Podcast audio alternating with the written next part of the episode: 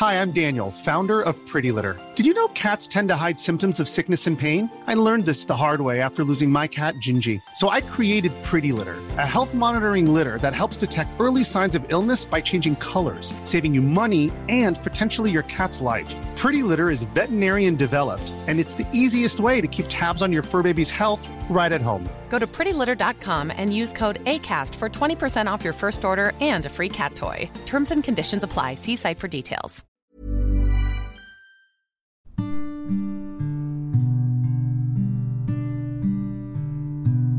Mungkin pada setiap cerita antara dua tokoh utama akan selalu ada satu tokoh lain yang dibuat sakit oleh terjalinnya cerita tersebut. Bahwa di antara kisahku dan kamu, ada seseorang yang hatinya dibuat patah oleh itu. Seseorang yang katanya menyimpan perasaan padaku. Seseorang yang selalu kuharapkan itu kamu. Seseorang yang dia sendiri juga berharap bisa menjadi kamu. Bisa menjadi tokoh favorit di setiap sudut dalam duniaku. Sudah cukup lama dia menyampaikan pengakuannya padaku. Waktu itu dia benar-benar menyatakan satu hal yang selalu aku harapkan aku tak pernah mendapatkan itu dari siapa pun, jika bukan dari kamu. Aku suka sama kamu. Pada akhirnya, ia menyampaikannya padaku waktu itu. Kalimat yang selalu berhasil membuatku sangat merasa bersalah setiap kali ada yang mengucapkannya padaku. Ungkapan yang seketika membuatku menjadi tokoh jahat karena menyambutnya dengan satu penolakan. Jangan, jangan suka sama orang yang lagi ngejaga hatinya buat orang lain. Jawabku waktu itu. Bayangkan, bagaimana bisa aku memberi larangan terhadap perasaan seseorang Sedangkan di saat yang sama aku tahu bahwa yang namanya perasaan tak bisa kita kendalikan. Aku yakin jawabanku waktu itu pasti terdengar menyakitkan baginya. Tapi yang ku tahu, waktu itu dia tak marah.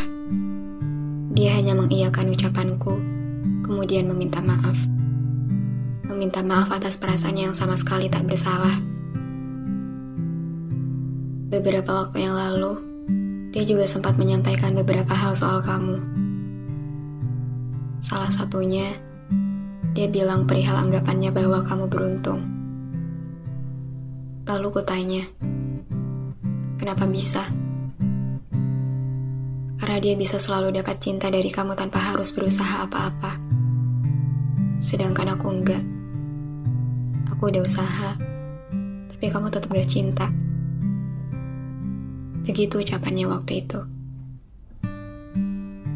Sayangnya, satu hal yang mungkin dia tak tahu, bahwa kamu sendiri tak pernah merasa beruntung atas besarnya cinta yang kutujukan untuk kamu. Cinta yang baginya merupakan satu keberuntungan besar apabila ia bisa mendapatkan itu.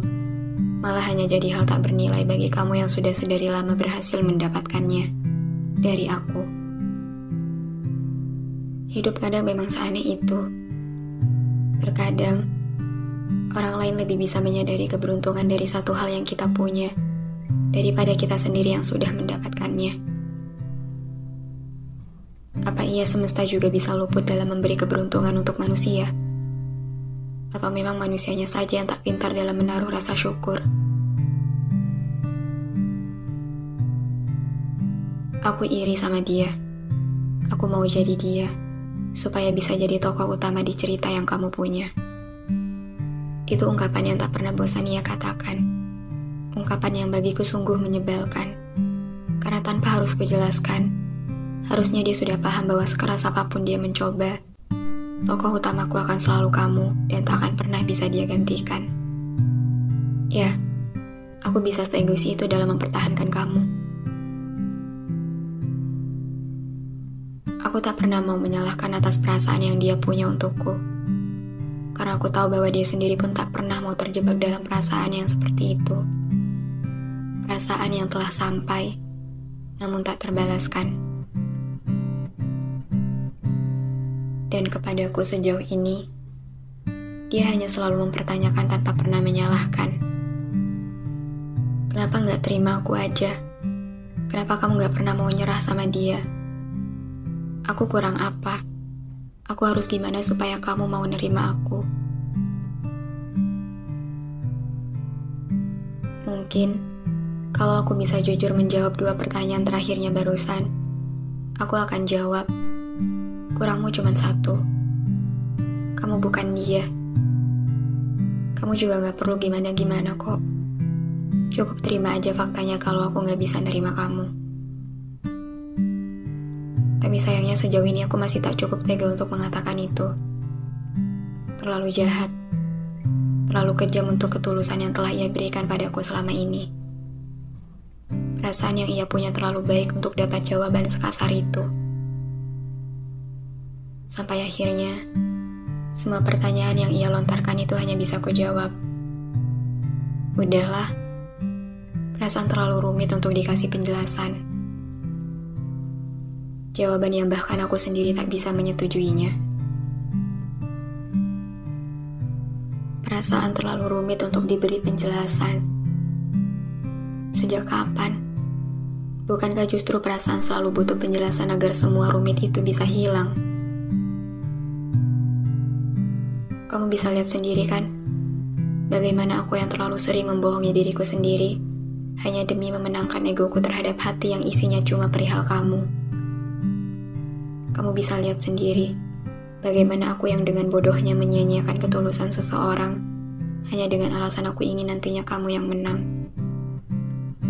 Lihat, sudah sejahat dan sebodoh apa aku dalam mempertahankan perasaanku dan menolak perasaannya. Bahkan mungkin di cerita yang dia punya, aku adalah tokoh paling jahat yang pernah ada. Aku tidak tahu dengan menolak cintanya itu akan menjadi keputusan yang benar atau tidak. Tapi yang pasti, dari semua itu, aku hanya ingin ia terhindar dari rasa sakit yang lebih besar. Aku tidak mau perasaannya terbuang sia-sia hanya untuk mengejar aku yang sedang berusaha keras mengunci hati kepada selain kamu.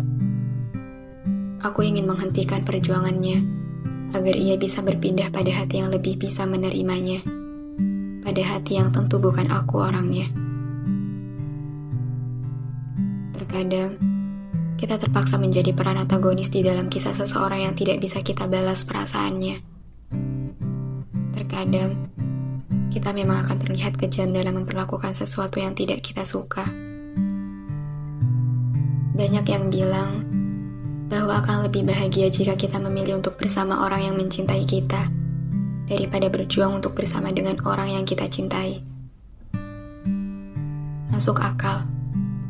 Tapi sialnya, aku masih begitu keras kepala untuk bertahan pada opsi kedua.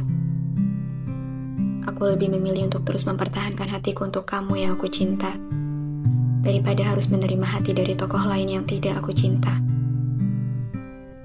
Dalam urusan ini, ku akui aku begitu naif.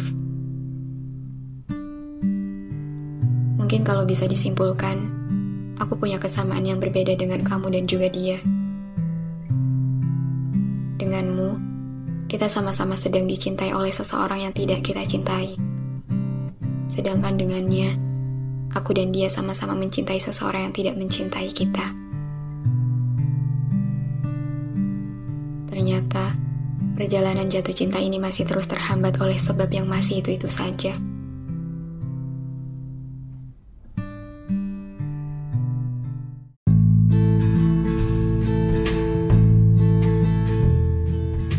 Terima kasih banyak udah dengerin episode ini. Terima kasih udah mampir ke ruang cerita yang gak sempurna ini. Semoga kalian senang ya datang ke sini. Anyway, jangan lupa follow podcast Rina Ilara ya. Sekalian, aktifin lonceng notifikasinya juga. Biar nanti kalau aku mau cerita lagi, kalian bisa cepet-cepet dengerin. Biar kalian gak ketinggalan sama episode-episode baru di ruang cerita ini.